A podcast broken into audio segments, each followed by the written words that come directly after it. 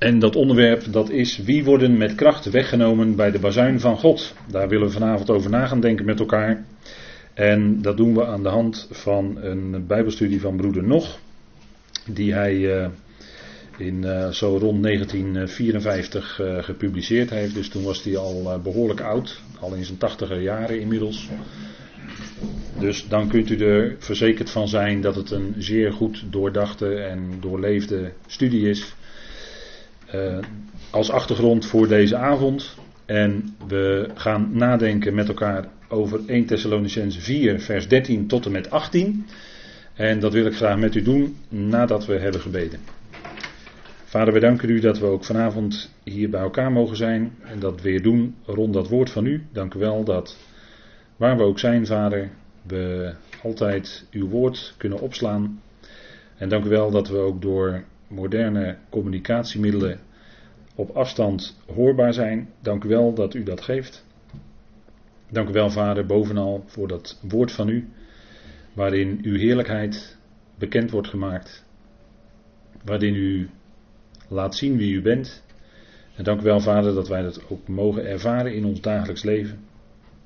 Dat u er bent, dat u nabij bent.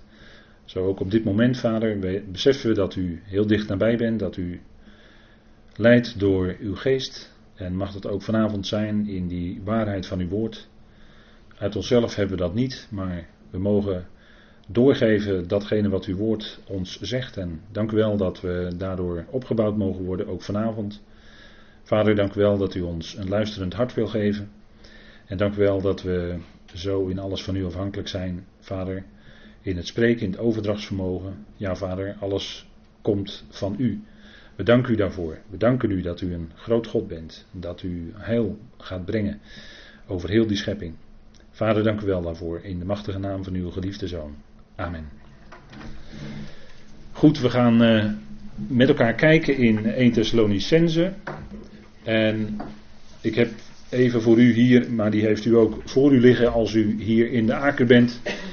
Um, de tekst, de, en misschien kunt u die ook, heeft u die al inmiddels van internet kunnen uh, opnemen. Dan uh, zou dat heel fijn zijn, want dan heeft u de concordante tekst van dit gedeelte bij u of voor u liggen. En dat wil ik graag met u lezen.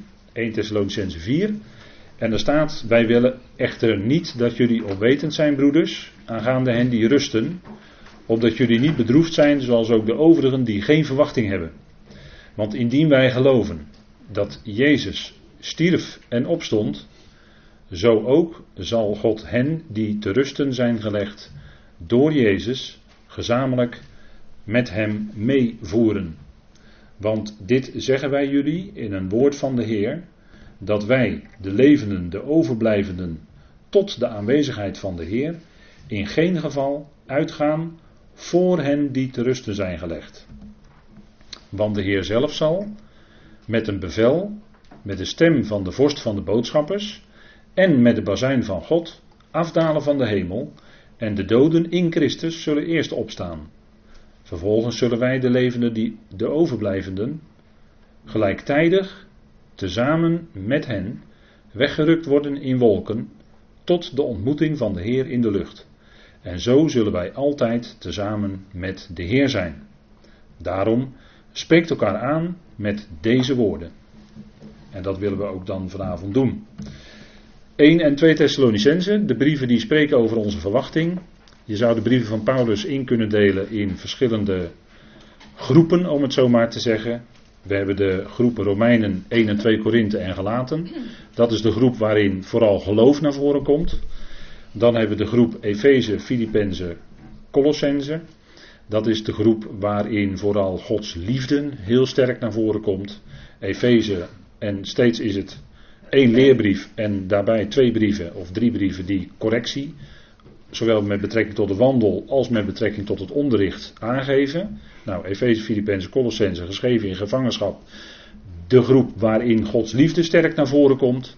En dan 1 en 2 Thessalonicense, de brieven waarin de verwachting die wij hebben. En dan hebben we dus geloof, liefde en verwachting.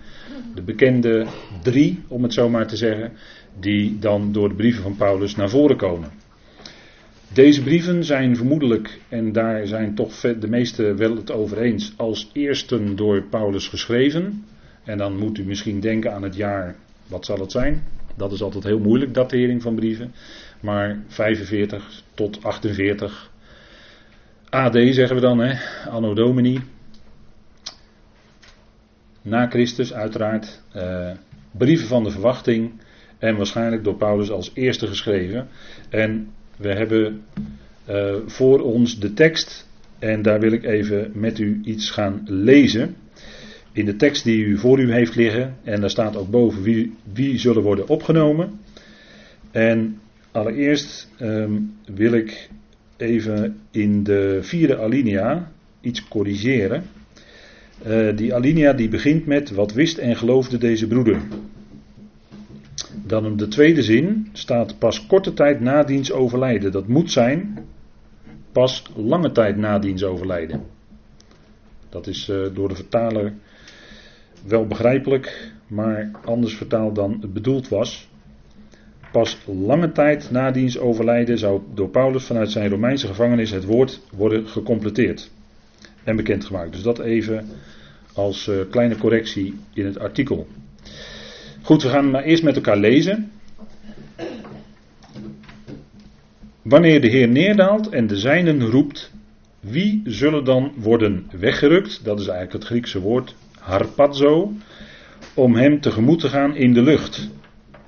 In deze dagen van verval kent het christendom velen die eigenlijk ongelovig zijn. Het christendom is een heel groot geheel in deze wereld. En daarvan zegt broeder Nog, die merkt dat op. Velen zijn eigenlijk ongelovig. Velen worden in het christendom geboren in een of andere groep of kerkgenootschap of wat dan ook. En die zitten dan in, zoals ze dat dan zeggen, een mist van traditie. En veel van die mensen die worden daarin geboren en die groeien dan op te midden van die tradities. En natuurlijk zijn daar van ook uh, die wel echt gelovig zijn, dus die geloof hebben in de schriften of geloof in de Heer Jezus Christus. Maar in het, binnen het grote geheel van het christendom is dat soms moeilijk vast te stellen. En uiteindelijk gaat het ook niet ons aan, uiteindelijk gaat het de Heer aan wie van hem zijn, wie bij het lichaam van Christus horen. Goed, we lezen even verder. Net zo min als zij zijn roep tijdens hun leven hebben gehoord, zo min zullen zij daarop reageren na hun dood. Er zijn vele mensen die misschien beleidend lidmaat van een kerk zijn, maar dat misschien zijn vanuit de traditie. als je in een bepaald in kerkgenootschappen, als je daar beleidenis doet, dan is dat eigenlijk dat je daarmee je conformeert aan de beleidenis van de kerk. Het wordt dan genoemd geloofsbeleidenis, maar je conformeert je aan de beleidenisgeschriften van de kerk. Dat gebeurt dan. Wij kunnen er zeker van zijn dat zij hem niet tegemoet zullen gaan. Als mensen niet echt bewust geloven, dan zullen zij ook niet bij de bazuin zijn. Daarentegen zijn er velen die wel geroepen zijn, die van hem hun redding verwachten, maar leven in een mist van traditie en misleiding. Ze hebben weinig kennis van de schriften. En vandaag de dag schrik je daar ook nog wel eens van. Hoe weinig kennis er van de schriften is. En als u dat verschil zou opmerken als u met kerkmensen in gesprek bent of komt. Dan zult u dat weten en dan wordt u zich ook bewust hoe ongelooflijk rijk u bent. Ten opzichte van wat men echt uit het woord van God uh, weet. Zij hebben weinig kennis van de schriften, zeker niet de waarheid die voor de huidige tijd geldt, en weten nauwelijks iets van de geheimenissen. Zij volgen liever de leer van onze Heer en zijn twaalf apostelen over Israëls koninkrijk, dan de boodschap van Paulus voor de natie. En wat staat hun te wachten? Zullen ook zij achterblijven? Nog heeft het hier over heel wat mensen die bewust geloven in de Heer Jezus Christus, die de leer van hem en zijn twaalf apostelen dus het evangelie van de besnijdenis volgen en niet het evangelie van Paulus volgen. Zij geloven wel bewust in de Heer Jezus Christus tot hun redding, alleen zij volgen dat. Wat gaat er nou met hen gebeuren? Wat staat hun te wachten? Zullen zij bij die bazuin dan ook achterblijven? Nou, dat is een punt, hè?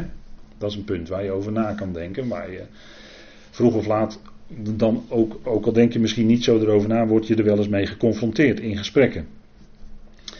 Paulus heeft slechts korte tijd, ik lees even verder in de werktekst, sorry, andere, tweede alinea, andere gelovigen beweren dat zij bijzondere kennis bezitten en een speciale positie innemen. dat mensen die bijvoorbeeld geloven dat zij uh, na drie dagen weer zullen opstaan als zij gestorven zijn. de zogenaamde leer van de uitopstanding uit de doden. dat komt uit Filippenzen 3. En zij geloven dan dat ze net als de Heer na drie dagen weer zullen opstaan en verborgen ook ten hemel varen en zo uh, tot een bijzondere elitegroep horen, om het zo maar te zeggen. Hoe, is, hoe zit het dan met hen? Anderen zijn er zeker van dat zij deel uitmaken van de 144.000 uit Openbaring 7, vers 4. En misschien allemaal mensen die echt bewust geloven in de Heer Jezus Christus. Weer anderen geven de voorkeur aan een plaats in het bovenhemelse. Het is zinloos om al die tegenstrijdige aanspraken te inventariseren, want ze zijn allemaal onjuist op één na. Hoe kunnen wij er zeker van zijn dat die wel correct is? Geen enkele menselijke logica of redenatie is in staat om een dergelijk verwarrend en gecompliceerd probleem op te lossen. Wij zullen ons antwoord in de schriften moeten zoeken. Want daar gaat het uiteindelijk om, en dat is ook vanavond natuurlijk het geval. Wat zegt nou die schrift? Paulus, en dat moeten we even als achtergrond ook weten. Paulus heeft slechts korte tijd in Thessalonica verblijf gehouden. Nadien kwamen daar enkele broeders te overlijden. De achterblijvenden vroegen zich toen bezorgd af wat er van hun doden zou worden. 1 Thessalonicense 4, vers 13. Wij willen echter niet dat jullie onwetend zijn, broeders, aangaande hen die rusten.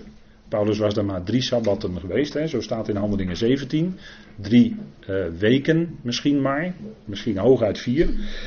En in die tijd waren er heel wat mensen tot geloof gekomen. U kunt het nalezen in Handelingen. En daarna kwam er opstand onder leiding van de Joden. En uh, Jason enzovoort werden daarbij betrokken. Maar Paulus moest toen weg door die opstand, door het oproer. Hè. Dat lees je steeds in Handelingen. Paulus gaat het woord prediken, doet dat met vrucht.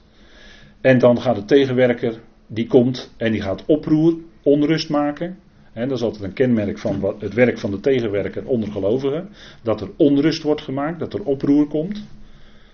Tegenspreken en dat soort dingen. Dat is, en dat, zag je ook steeds, dat zie je ook steeds in handelingen.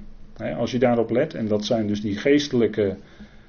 daar moet je op een geestelijke manier naar kijken. Dat is de tegenwerker die dan mensen gebruikt om tegen die boodschap in te gaan en dat werk van God te verstoren en zo gelovigen uit elkaar te drijven. Nou, dat, dat gebeurde dus ook bij Paulus in Handelingen 17. En daarom moest hij weg. En later heeft hij waarschijnlijk vanuit Korinthe, in Handelingen 18 is hij dan in Korinthe.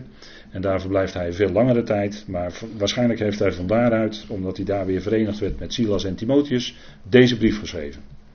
Maar dat is dan even uh, een uh, korte samenvatting. En uh, afgelopen zondag uh, is dat natuurlijk ook even naar voren gekomen.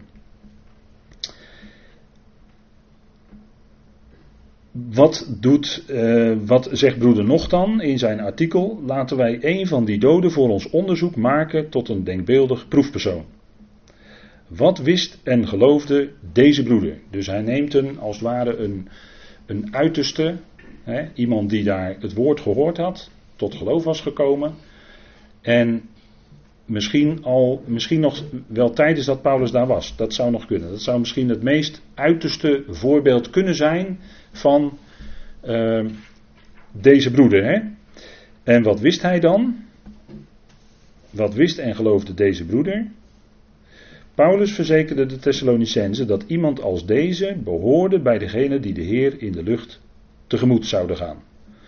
Nou, tegemoet zouden gaan, dat weet u, dat staat er iets anders, maar pas lange tijd na diens overlijden zou door Paulus vanuit zijn Romeinse gevangenis het woord worden gecompleteerd en bekendgemaakt.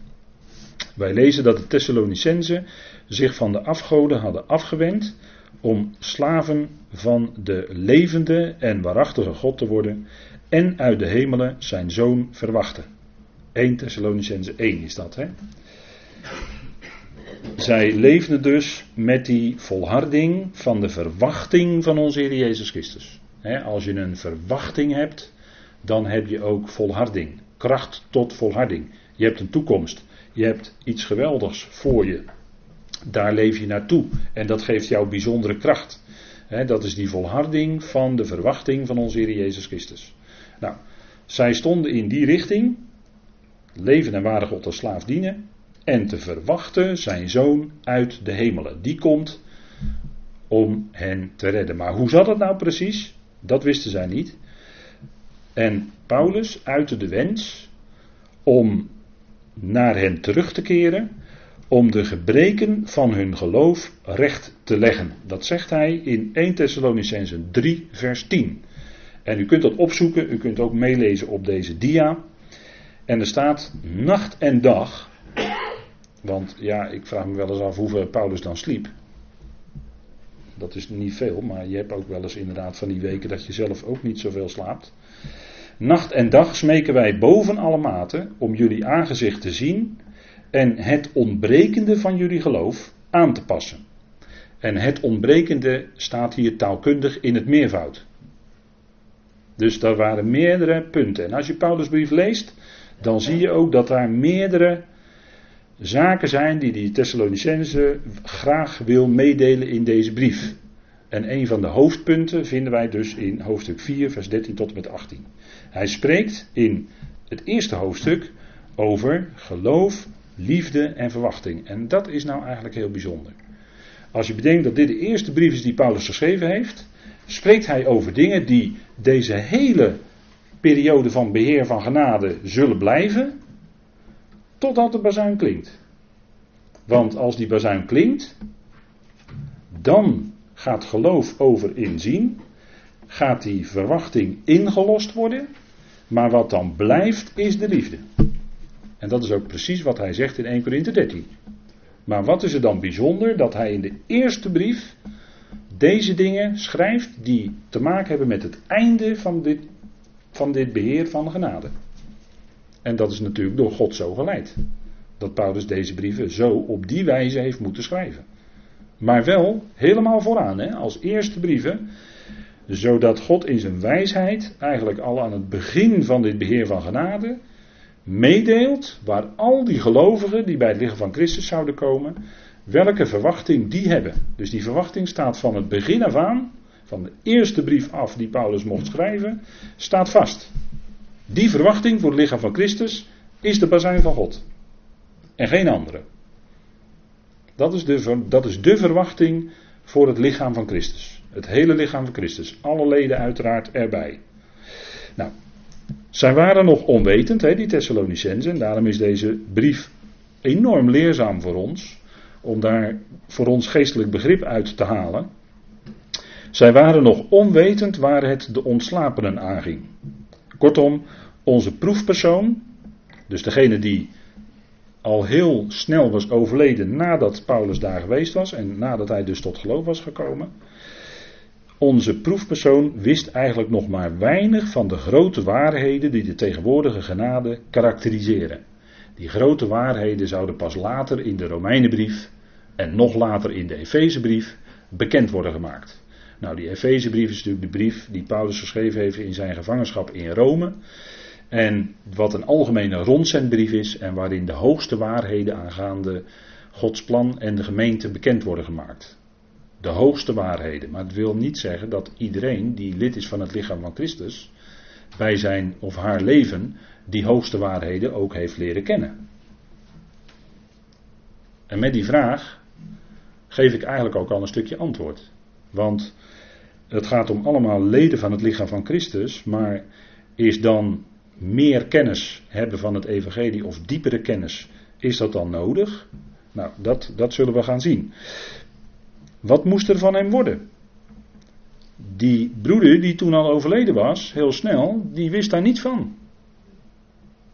En toch verzekert Paulus dat hij ook bij die bazuin is. Dat hij dan ook gewekt zal worden. Wat moest er van hem worden? De apostel verzekert ons dat de Heer afdaalt. Dat als de Heer afdaalt, hij niet alleen samen met de levenden zal worden opgenomen. Maar ook het eerst zal opstaan voor ons de levenden. Dat is wel een hele bijzondere verwachting. Want voor Israël lag die verwachting toch wel anders. Dat konden zij weten uit de profetieën. En Paulus heeft ook met die Thessalonicenzen gesproken uit het boek Daniel. Dat bewijst de tweede brief die hij schrijft. Daar kun je dat zo uithalen. Dat hij met hen over Daniel gesproken heeft. Dus hij heeft in die korte tijd wel degelijk met hen uit de profetieën gesproken. En het laten zien. Want hij was een, een veel betere kenner van de Tenach dan u en ik hoor. Veel beter. Diegene die overleden is, kan deze man een Jood zijn geweest?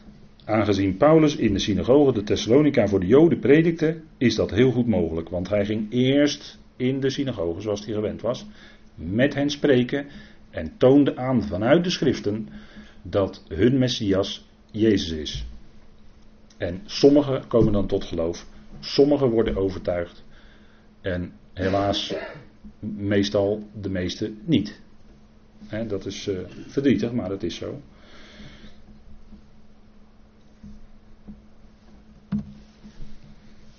Wat gebeurt er met hen die wegvielen?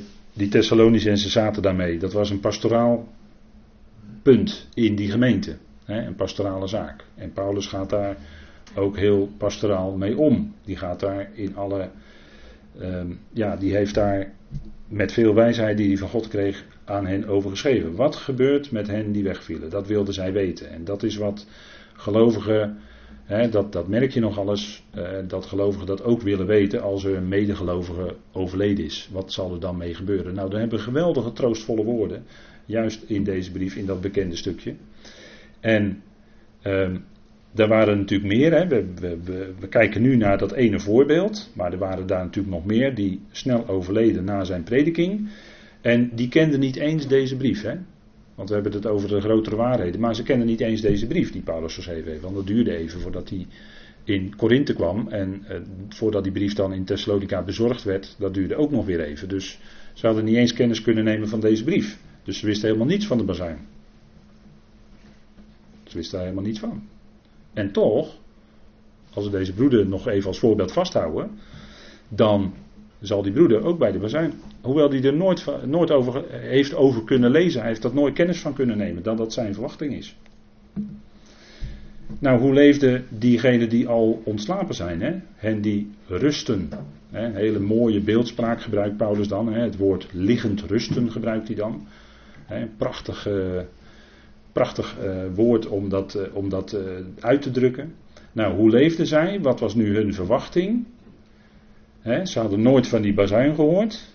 En wat gaat Paulus dan zeggen over die overleden gelovigen in het 14e vers? En dan gaat hij dus aansnijden, want indien wij geloven dat Jezus stierf en opstond. Nou, die overleden mensen, die geloofden dat hoor. Want die hadden dat gehoord van Paulus. Zij geloofden dat Jezus stierf en opstond.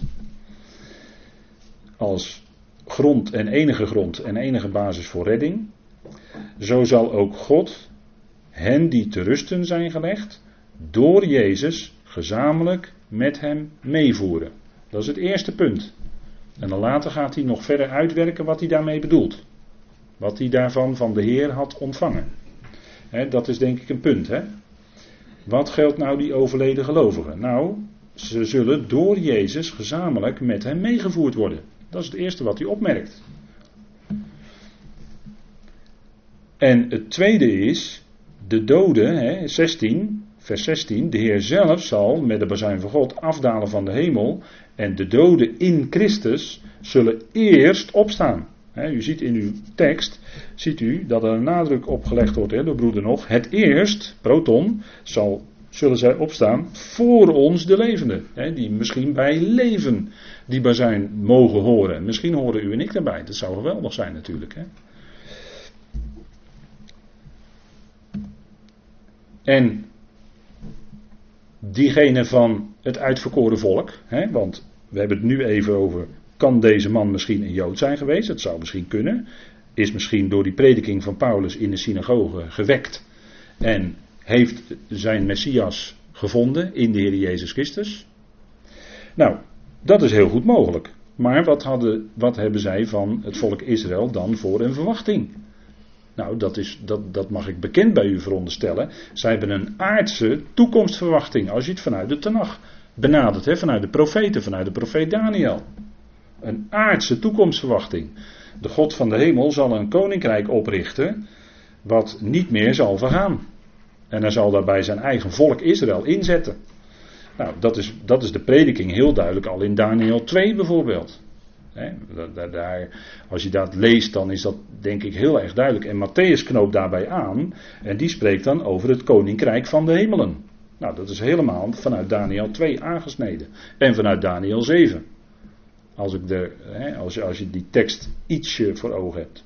Maar dat is lastig, want Daniel is helemaal niet zo'n makkelijke profeet. Maar dat was de verwachting voor Israël. Een aardse toekomstverwachting. Het koninkrijk hier op aarde, wat door de steen, die zonder handen wordt losgemaakt, gevestigd wordt. De Jezus Christus zelf. Hij is de koning van het koninkrijk. Hij is de grote koning. Hij zal komen. Nou, dat was de verwachting voor de Joden, voor Israël. Dus die broeder zou ook een Jood hebben kunnen zijn. En dan zou hij meer van God moeten hebben geweten, ook van diens handelen met Israël door de schriften heen. Maar zelfs dan, wat zou hij hebben kunnen weten, net als een Jood van vandaag, van de tegenwoordige waarheid? Dat is heel moeilijk. Waarschijnlijk zou hij sterke neiging hebben om zichzelf hoger dan de rest te achten en een vooraanstaande plaats in het koninkrijk verwachten, wat op grond van de schrift heel logisch is als hij dat zou denken en geloven. Want dat laat de schrift zien. Dat Israël zal zijn licht voor de andere volkeren. Zij zullen het woord en de, en de onderwijzing laten uitgaan vanuit Sion en Jeruzalem. En zo zullen zij licht voor de andere volkeren zijn. Tot opbouw. Hè, tot, en maar zij hebben wel die specifieke plek. Dus hoger dan de andere volken gekregen. Dus het zou heel logisch zijn als hij dat zou denken. Zelfs nu nog zijn er gelovige Joden die alle brieven van Paulus bezitten, maar de voorkeur geven aan die van Petrus. dan zijn Joden die echt in de Jezus Christus als hun Messias geloven. En toch geven zij de voorkeur aan Petrus boven Paulus. Maar er zijn ook wel die wel zicht hebben op de brieven van Paulus. Die zijn er ook. Toch geeft Paulus onvoorwaardelijke uitspraak in zijn eerste brief aan de Thessalonicenzen ons de volle zekerheid dat zelfs zulk een Jood zou worden opgenomen. Want, gaan we even een paar slides terug.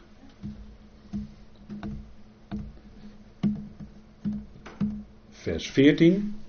Want indien wij geloven dat Jezus stierf en opstond, dat is de kern hè, waar Paulus van uitgaat. Hè, daar draait het om.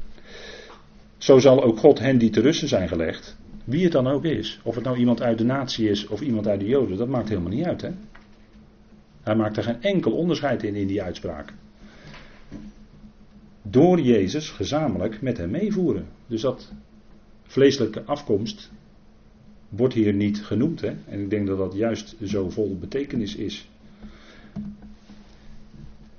En als we even verder kijken, waar broeder nogal even op doelde, uit de christenheid, iemand uit de christenheid met als een verwachting, om nog maar eens een verwachting te noemen, de jongste dag.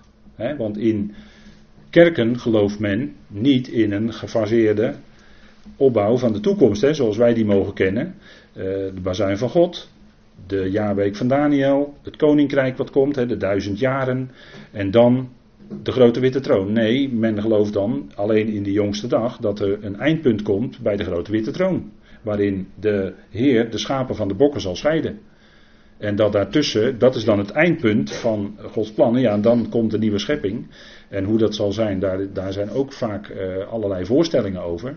Maar men heeft geen verwachting van een komst van de Heer uh, met de bazuin. Een komst van de Heer als hij zijn voeten zet op de Olijfberg, de duizend jaar.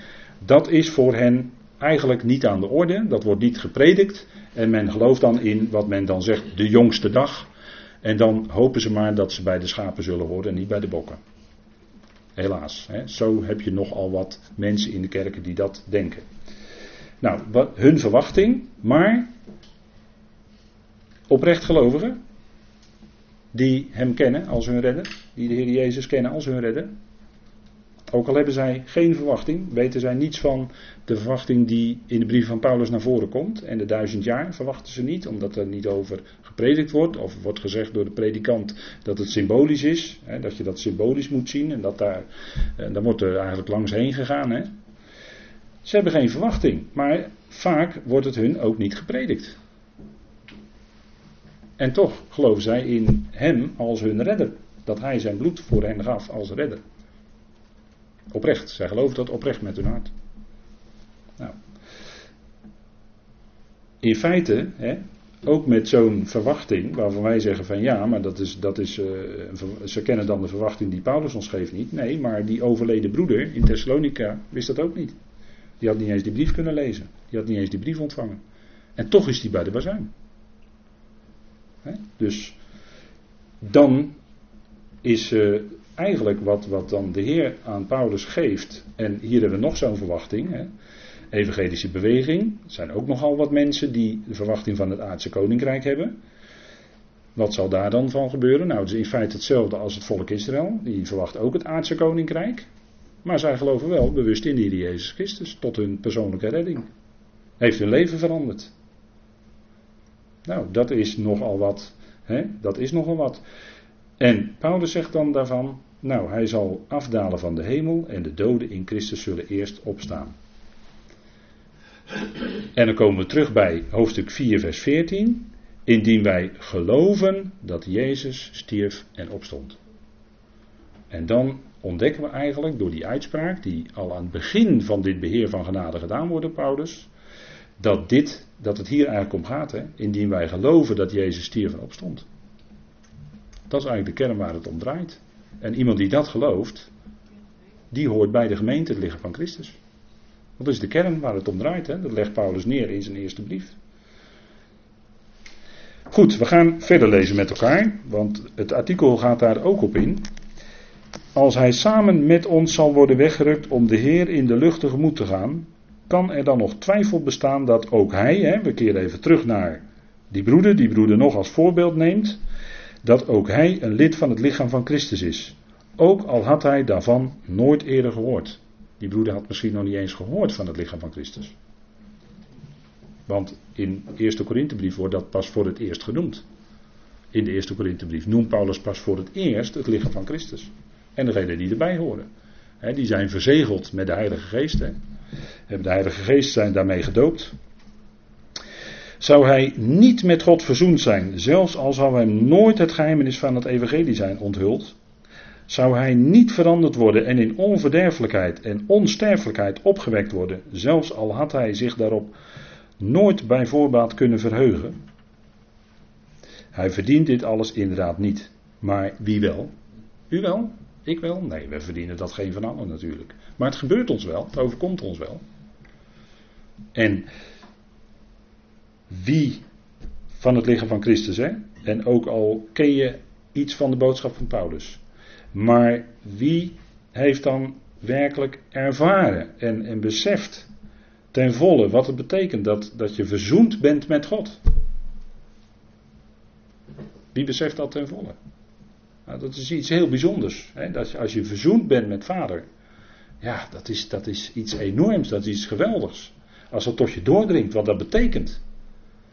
Maar er zijn er genoeg bij wie het nooit zo doordringt, omdat het vaak weinig gepredikt wordt. En zo gold het ook voor die overledene daar, die heeft ook die boodschap van die verzoening. Zo, als Paulus die later mocht neerleggen in de brieven, niet gehoord. Alleen de, de kern die hij de, was gepredikt, daar zit alles in.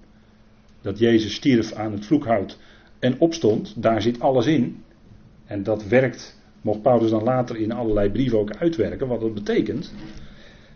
Maar of dat zo in enkele weken tijd zo diepgaand gesproken had kunnen worden door Paulus, nee.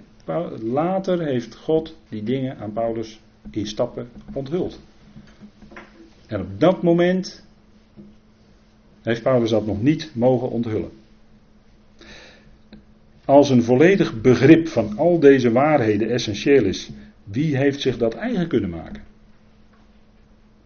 Neem, ook de rechtvaardiging. De rechtvaardiging om niet, wat het werkelijk betekent vanuit de Romeinenbrief. Dat is, dat is voor een gelovige ook nog vaak moeilijk om te beseffen wat het betekent, wat het werkelijk inhoudt.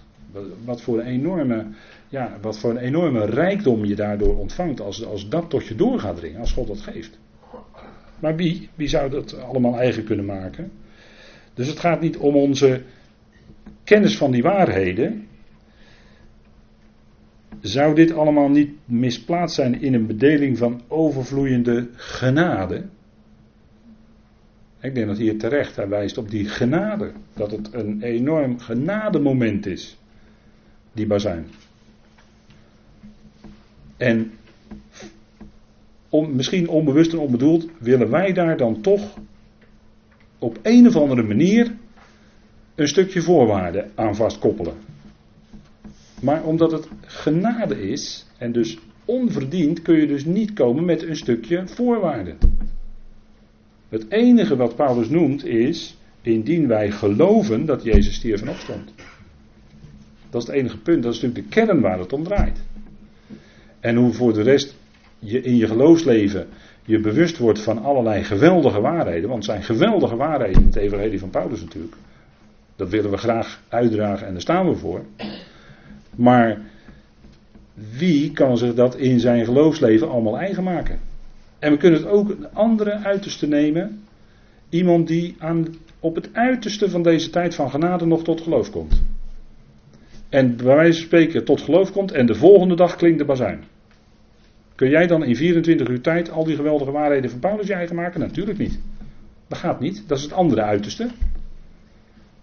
Wat in feite hetzelfde is als je het spiegelt. Maar dan zou je weer een stukje voorwaarden eraan gaan koppelen dat je eerst bepaalde waarheden moet kennen. Maar dat is een voorwaarde. Maar dit is een genademoment. En die prediking van waar het om draait, hè, dat, dat schreef Paulus natuurlijk ook aan de Corinthiërs. Allereerst, dat evangelie wat hij hen had overgeleverd was dat hij, Jezus, was gestorven naar de schriften, dat hij was begraven en dat hij was opgewekt. Dus hij legt in 1 Corinthië 15, in de eerste verse, legt hij de kern neer. En al het andere komt daaruit voort. Heeft daar natuurlijk mee te maken, kun je daarop terugvoeren allemaal. Maar dat is een uitwerking, hè? dat is die rijkdom die eruit voortkomt. Maar het is een genademoment. Hè? En dit allemaal, dus zowel die ontslapen gelovigen die te rusten zijn gelegd in de loop van de tijd, en dat zijn er natuurlijk nogal wat sinds eh, de gemeente begonnen is, dat zijn er nogal wat. En wij levenden, de overblijvenden, zullen gelijktijdig tezamen met hen, dus dat hele lichaam van Christus, hè, let op dat gelijktijdig, en tezamen met, dus dat is één groep als geheel. En we hadden het net heel even over die mensen die denken dat als zij overleden zijn, dat zij dan na drie dagen zullen opstaan en dan bij de Heer zullen komen. Nee, hier staat dat wij gelijktijdig, tezamen met al die ontslapen gelovigen, zo veranderd zullen worden en hem zullen ontmoeten in de lucht. Dus dat sluit gelijk al zo'n gedachte uit van een bepaalde groep die dan bepaalde waarheden moet kennen, want dat lees je dan ook in degene die dat voorstaan, hè, als je hun boeken leest. Hè, maar dan, dan lees je gewoon daarin de voorwaarden. En als je dat leest, dan denk ik van ja, maar waar is nu die genade? Nu, nu ga je voorwaarden leggen op gelovigen, op grond waarvan hè, ze moeten eerst aan die voorwaarden voldoen en dan pas. Nee, het is een genademoment. Dus dat, dat, dat schuift allerlei menselijke voorwaarden aan de kant. Hè? En kijk wat, als we even verder lezen in onze werktekst, onderaan bladzijde 1, dan gaan we naar bladzijde 2, geldt niet voor ons allemaal het schriftwoord, wat geen oog heeft gezien en geen oor heeft gehoord en wat in geen mensenhart is opgekomen, wat God bereid heeft voor degenen die hem lief hebben. Nou, degenen die hem lief hebben, dat zijn al die leden van het lichaam van Christus. En dat is allemaal gradaties, als we het hierover hebben. Wat geen oog heeft gezien. Nou, al wat God bereid heeft. Nou, de een die kan daar iets van smaken. En de ander kan er iets van proeven. En de ander kan, heeft daar iets van tot zich kunnen nemen. Bij, bij een aantal is het doorgedrongen en bij anderen dringt het misschien minder snel door of niet. Maar wie kan zeggen dat hij nou dat totale, die heerlijkheid kan omvatten als geloven? Nou, dat kan toch eigenlijk niemand. Dus dan zien we al aan, als je dat zo gaat bekijken, als je daar zo over nadenkt, dan zie je al dat het gaat om die kern, hè, om het geloof. God heeft ons ook veel door zijn geest geopenbaard. En wij zullen ons verbazen over alles wat hij voor ons nog in petto heeft, ongeacht hoeveel wij reeds zouden weten. Is het niet merkwaardig dat de eerste Thessalonicense brieven, waarschijnlijk ook de eerste van Paulus' brieven, zo diep ingaat op het einde van deze bedeling, hè, dit beheer, oikonomia in het Grieks. Dat betekent letterlijk huiswet of huisregel. Hè, dit beheer van de genade, dit beheer van het geheimenis, die destijds voor een groot deel nog verborgen was, zien wij hierin niet Gods wijsheid om zo bij voorbaat allerlei verwarring weg te nemen die zijn heiligen zouden kunnen benauwen. Bijvoorbeeld over de vraag waartoe die heiligen behoren, die leefden in de periode dat de tegenwoordige waarheid nog maar gedeeltelijk bekend was, of die nooit veel van die geheimenissen gehoord hebben. Dat wordt ons met behulp van onze proefpersoon duidelijk. Ook die heiligen zullen deze dingen te weten komen, maar in de toekomst. Hetzelfde geldt in feite ook voor ons met betrekking tot de genade die dan ons deel zal zijn. Ieder zal dan bij de Heer zijn en ieder zal dan duidelijk gemaakt worden die heerlijkheid en ook de inhoud van datgene wat het evangelie van Paulus betekende. En dat zal de Heer dan op dat moment uh, waarschijnlijk heel snel duidelijk kunnen maken, omdat we dan zo'n overmate van geest hebben ontvangen. En omdat onze hersencapaciteit dan ten volle wordt benut. Want wij benutten onze hersencapaciteit maar voor een heel klein percentage. Maar dan 100%, nou moet u eens even nagaan wat dat dan betekent. Hè? En dan helemaal door de geest van God duidelijk gemaakt worden wat het allemaal inhoudt, die genade. Dat zal gebeuren als we dan bij de Heer zijn. En dat zal als denk ik, heel snel gebeuren. He, er wordt duidelijk, duidelijk gemaakt. En ook voor ons zal dan nog meer duidelijk worden. maar ja, de werken waar we mee bezig zijn geweest, hout, hooi en stro, zal dan heel snel verbranden. Maar dan ben ik alweer met de Berma bezig, dat is alweer wat anders. Maar dat is de genade die ons allemaal ons deel zal zijn. Wij hebben nu ook de oplossing van een ander serieus probleem. Want waar moeten wij die grote groep van oprechte gelovigen plaatsen? aan wie niet alleen de thans geldende waarheid is ontgaan, maar die zich ook hebben toegeëigend wat aan de besneden toekomt, of aan de natieën na de komst van Christus Koninkrijk op aarde. en dan noem ik nu u alleen maar de, wat, ik, ja, wat ik dan soms wel eens uh, denk, de verderfelijke vervangingstheologie, want dat is een uh, verderfelijk iets. Want dat stelt zich in de plaats van Israël, waarbij de kerk in de plaats is gaan staan van Israël en heeft gezegd: Wij zijn het geestelijk Israël met alle verschrikkelijke gevolgen van dien. Hè, daar is waar broeder nog hier op doelt. Je toe-eigenen wat aan de besneden toekomt. Je gaat in de plek van Israël staan, wat helemaal je plek niet is. Maar dat is toebedeeld door God aan het volk met allerlei beloften. En die zal die waarmaken ook. Aan dat volk. Dus dan, maar dan nog, hè, dan nog. Stel dat je daarin opgroeit en nooit anders hoort. Dan ga je daar misschien wel in mee in die gedachte. En denk je dat ook, dat je bij het geestelijk Israël hoort. Terwijl je het niet bent. Maar je bent wel oprecht gelovig. En dan, precies, God ziet het hart aan, dank u. Ja, dat is ook zo. Dat is, hij bepaalt dat, hè. Wij kunnen niet in de mensenharten kijken. Hij, ten diepste kan hij dat alleen. En dan zullen al die gelovigen bij hem zijn. En zullen ze misschien wel ook ontdekken: ja, wij horen helemaal niet bij het geestelijk Israël. Het ligt heel anders. Of wij hadden gedacht dat wij een aardse toekomstverwachting hadden. Maar nu blijkt het toch heel anders te zijn. Dat kan allemaal. Hè? Dat zal je allemaal duidelijk worden. Of misschien zegt u wel, nou ik had eigenlijk gedacht dat. Ja, dan wordt het toch, blijkt het toch anders te zijn. Maar de Heer maakt zijn woord waar. Hè?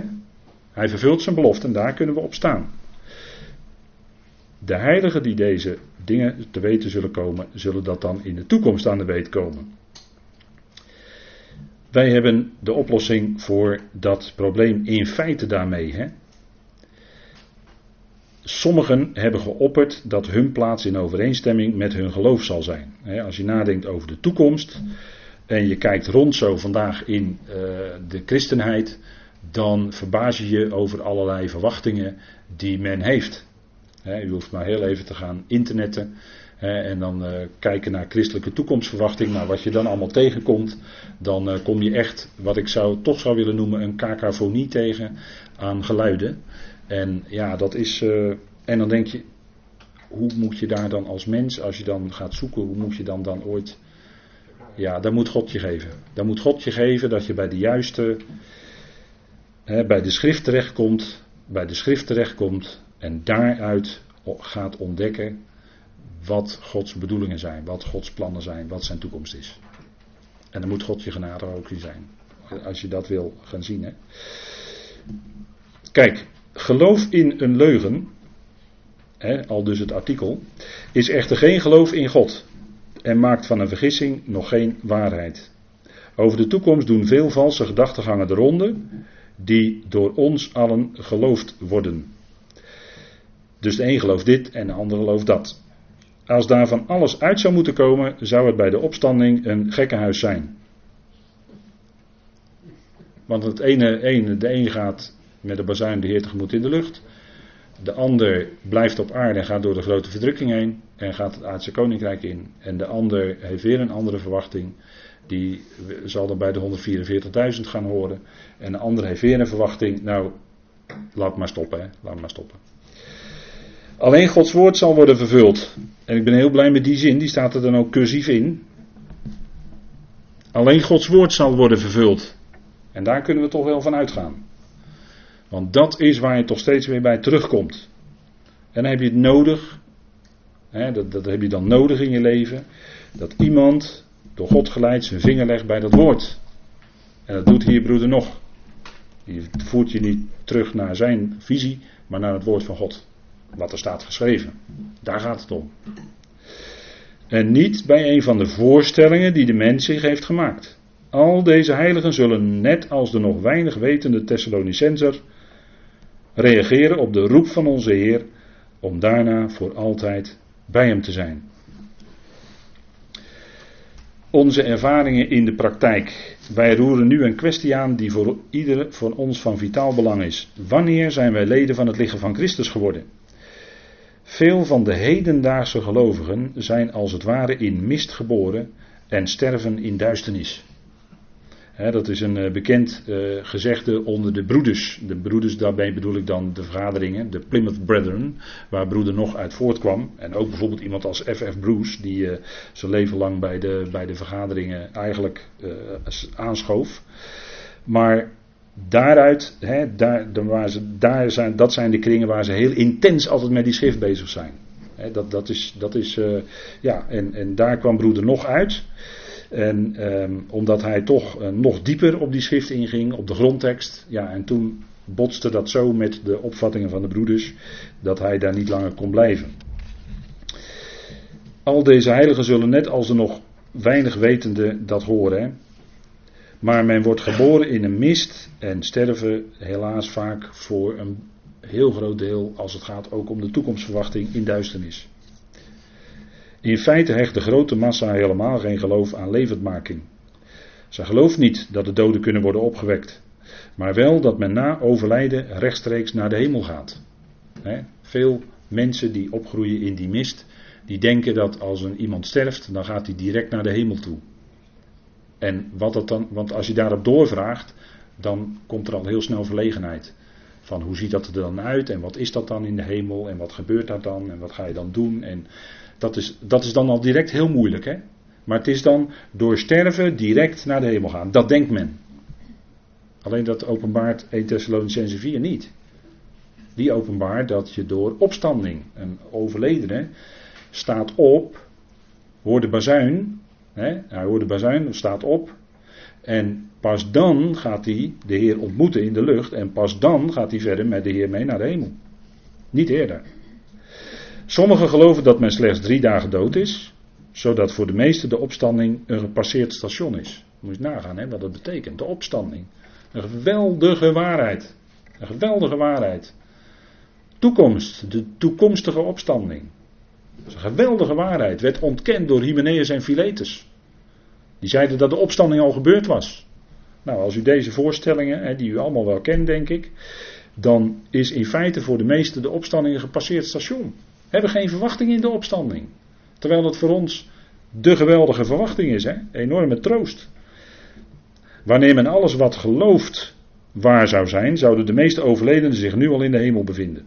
Dan zou er geen opstanding van de doden meer komen, zoals Paulus die aan de Corinthiërs had verkondigd. En daar wijdt hij dan een heel lang, machtig hoofdstuk aan, hè, aan de opstanding. Geweldig altijd om dat te lezen. Reeds in Paulus' dagen beweerden sommigen dat de opstanding reeds geweest was en, dat, en gooiden daarmee het geloof van anderen ondersteboven. Ik heb ze genoemd, Hymenaeus en Philetus. Het persoonlijke geloof van iedere heilige kan van tijd tot tijd verandering ondergaan. Zo kan het zijn dat wij, toen wij voor onze redding door het bloed van Christus de eerste maal tot geloof kwamen, aanvankelijk dachten dat dit te danken was aan ons berouw en de vergeving van onze zonden. En dat wij zo het koninkrijk waren ingegaan. Maar dit zijn zaken die niet voor het lichaam van Christus zijn weggelegd. Want de heiligen die daarvan deel uitmaken, zijn gerechtvaardigd en verzoend en, als zij geloven, verzegeld met de Heilige Geest van de belofte, welke is een onderpand of een waarborg van hun lotsdeel, hun lotgenieting, tot de vrijkoping van dat wat voor hen voorzien is, namelijk dat zij een voorverwachting hebben in de Christus. Naar Efeze 1 is dat, hè. We hebben een voorverwachting in de Christus. En waarom nou? Omdat wij een eerdere verwachting hebben dan Israël. Een voorverwachting.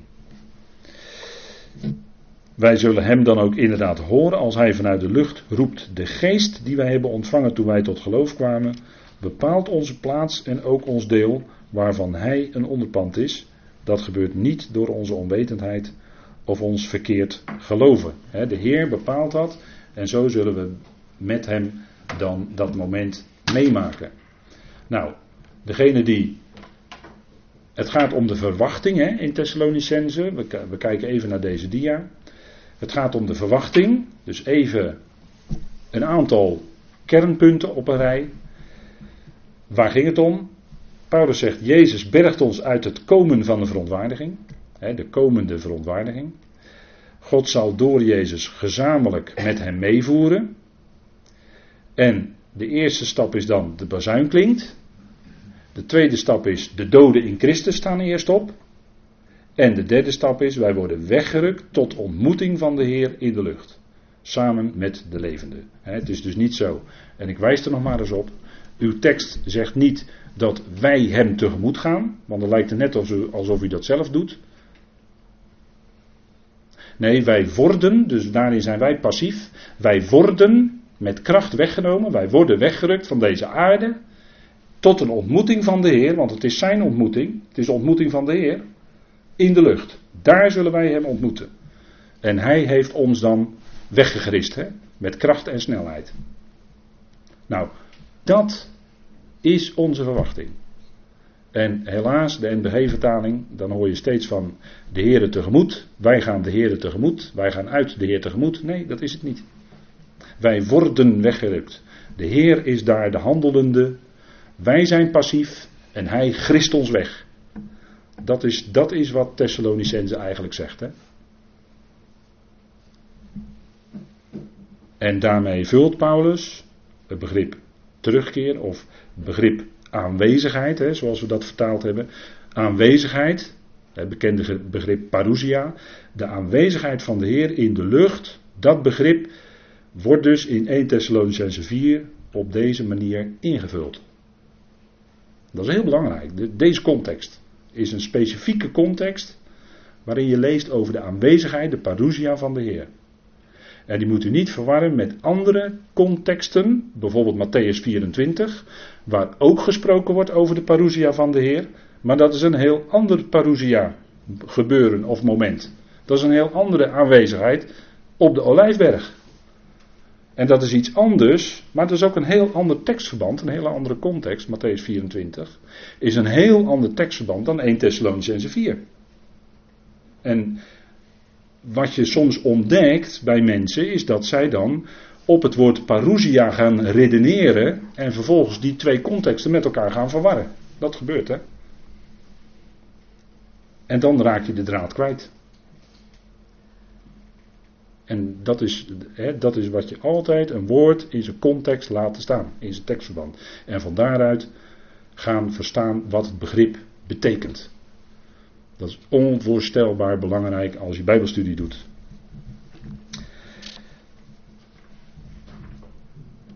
Dus onze onwetendheid kan er zijn. Nou, dat is dus wat met die overleden gelovigen gebeurt. En dat is een geweldige troost die Paulus dan geeft aan de Thessalonicenzen. Wat gebeurt er met hen die liggen te rusten, die overleden zijn? Zij zullen dit ondergaan. Zij hebben een toekomst. Zij hebben een verwachting. Zij hebben ook die heerlijkheid voor, nog voor zich, die ook wij nog voor ons hebben.